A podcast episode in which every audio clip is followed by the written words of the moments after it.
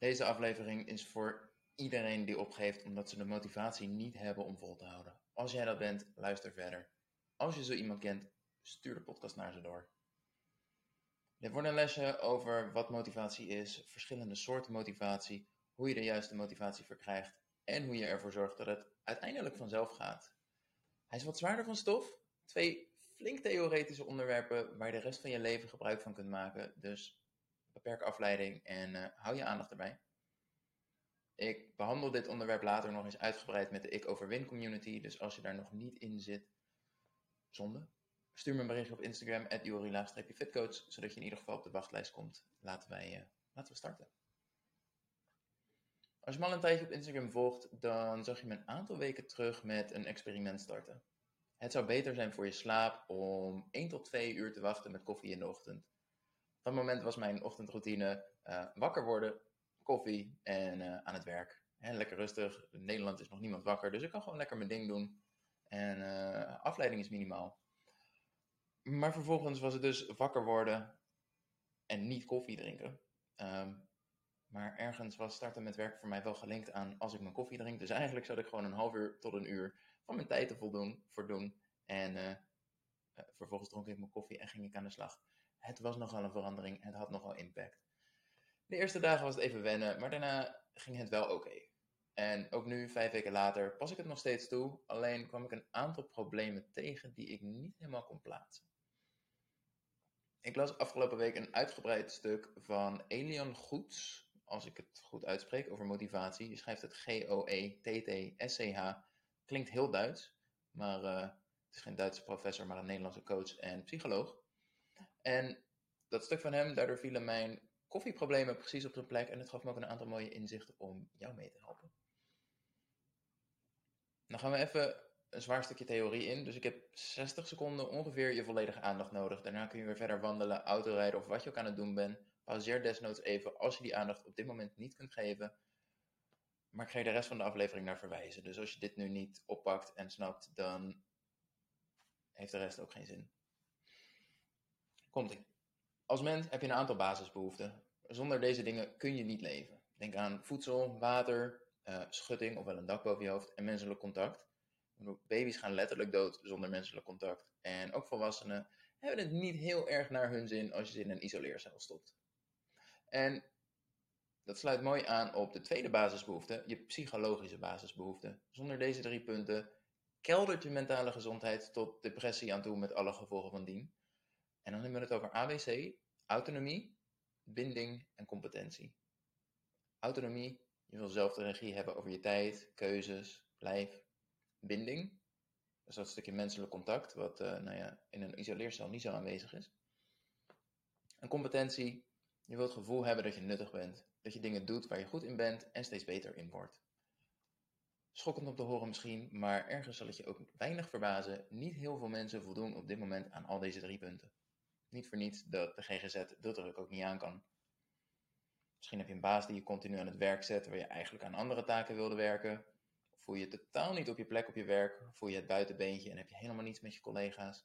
Of is het werk veel te moeilijk en heb je altijd het idee dat je je hoofd nauwelijks boven water kunt houden en niemand die je helpt om dat te veranderen. 9 uur per dag doorbrengen op een plek waar je basisbehoeften niet vervuld worden, dat maakt een mens niet zo gelukkig. Oké, dat was de belangrijke theorie waar ik je volledige aandacht voor nodig had. Mijn koffie-experiment liep tegen het volgende probleem aan. Ik wilde eigenlijk mijn koffie veel eerder drinken, maar de regel zei dat dat niet mocht.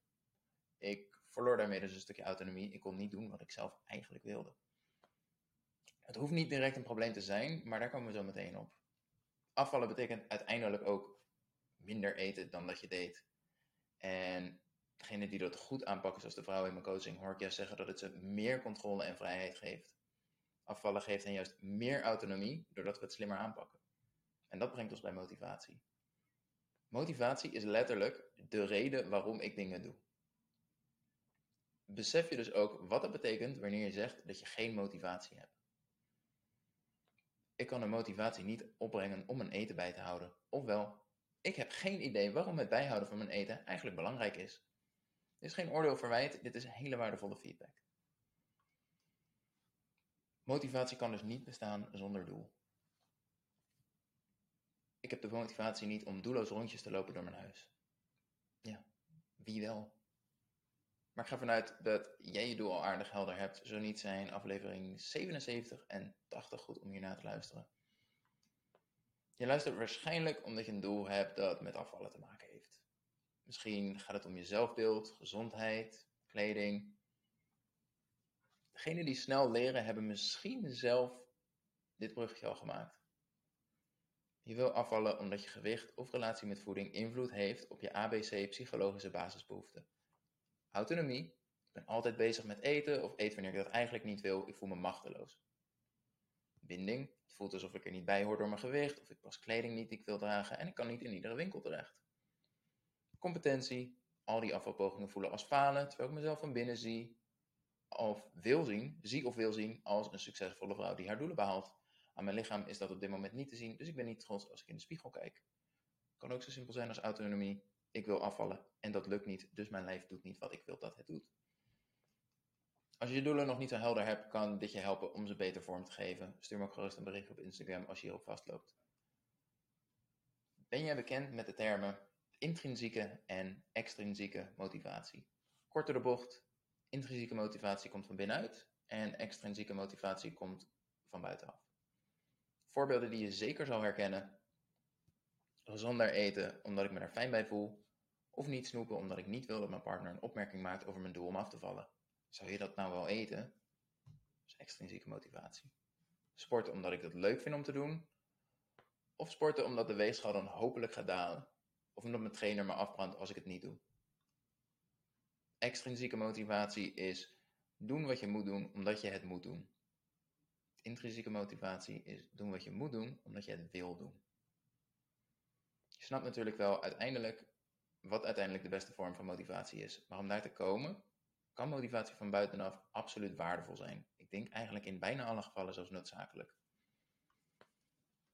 De eerste 10 weken van je nieuwe gezonde leefstijl zullen ongetwijfeld gemotiveerd worden door onder andere een dalende weegschaal. Als die er niet is, geven veel mensen op. Maar hopelijk gebruik je die 10 weken om ook andere bronnen van motivatie te vinden.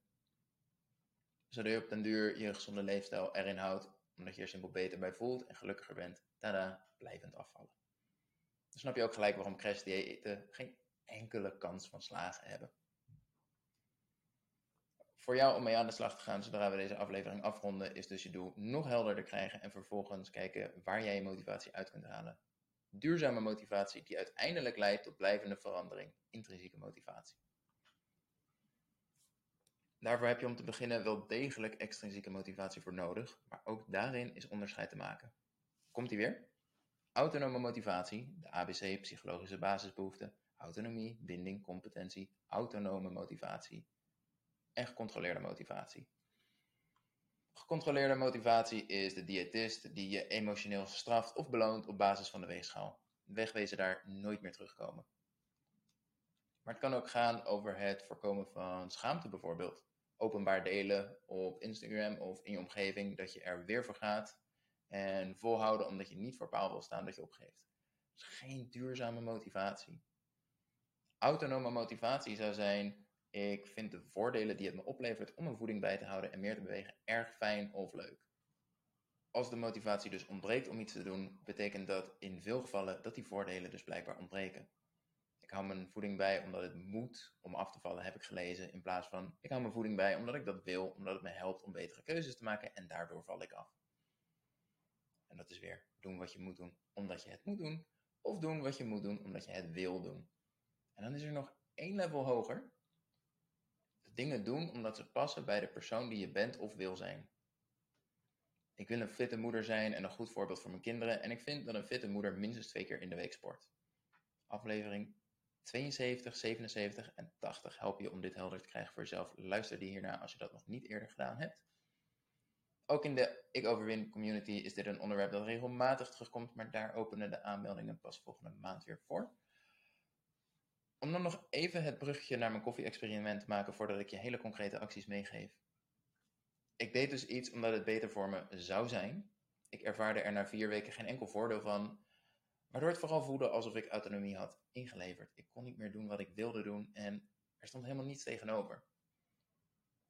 Herken je misschien wel met een uh, nou ja, streng eetplan, streng dieet. Eigenlijk lukt het niet helemaal om het vol te houden. Resultaat is ook niet binnen je verwachtingen. Dus waar doe ik het eigenlijk voor? Wat dit alles voor jou betekent. Maak je doel helder. Onderbouw waarom dat doel zo belangrijk voor je is. Zoek uit welke acties en aanpassingen er nodig zijn om dat doel te bereiken. Motiveer deze acties en aanpassingen en ga aan de slag. Dat ziet er zo uit. Ik wil 20 kilo afvallen omdat ik diep van binnen spontaan en enthousiast ben, maar me door mijn gewicht laat tegenhouden omdat ik voor mijn gevoel al te veel opval. Ik wil een lijf dat bij mijn persoonlijkheid past. Hiervoor ga ik mijn voeding bijhouden en bereken ik mijn calorieën door via Joris e-book dat gewoon in zijn Instagram, Instagram profiel staat en gratis te downloaden is. Ik ga één keer in de week krachttraining doen in de sportschool en ik maak wat aanpassingen in mijn planning waardoor ik dagelijks minstens 7000 stappen loop. Meer wandelen is niet alleen goed voor het afvallen, maar ik merk ook dat het me ontspant. Ik zit minder in mijn hoofd en maak me minder zorgen. Het helpt me om op den duur om meer zelfvertrouwen te krijgen en weer spontaner te zijn. Mijn voeding bijhouden blijkt hartstikke eenvoudig te zijn dankzij de tips uit Ik Overwin van deze week. Dus dat gaat me ontzettend goed helpen om af te vallen, zodat ik uiteindelijk met trots in de spiegel kan kijken. En sport vind ik gewoon hartstikke leuk. Daar was ik mee gestopt toen het te druk werd in mijn hoofd door het jojoen en de stress van werk. Klaar plan is rond. Motivatie is helder. Zij kan aan de slag. Doe mij en anderen een plezier. Deel deze podcast met mensen waarvan je denkt dat het ze verder kan helpen. Abonneer je op de Gezond en Fitcast als je dat nog niet hebt gedaan. En uh, tot de volgende aflevering weer. Hoi hoi.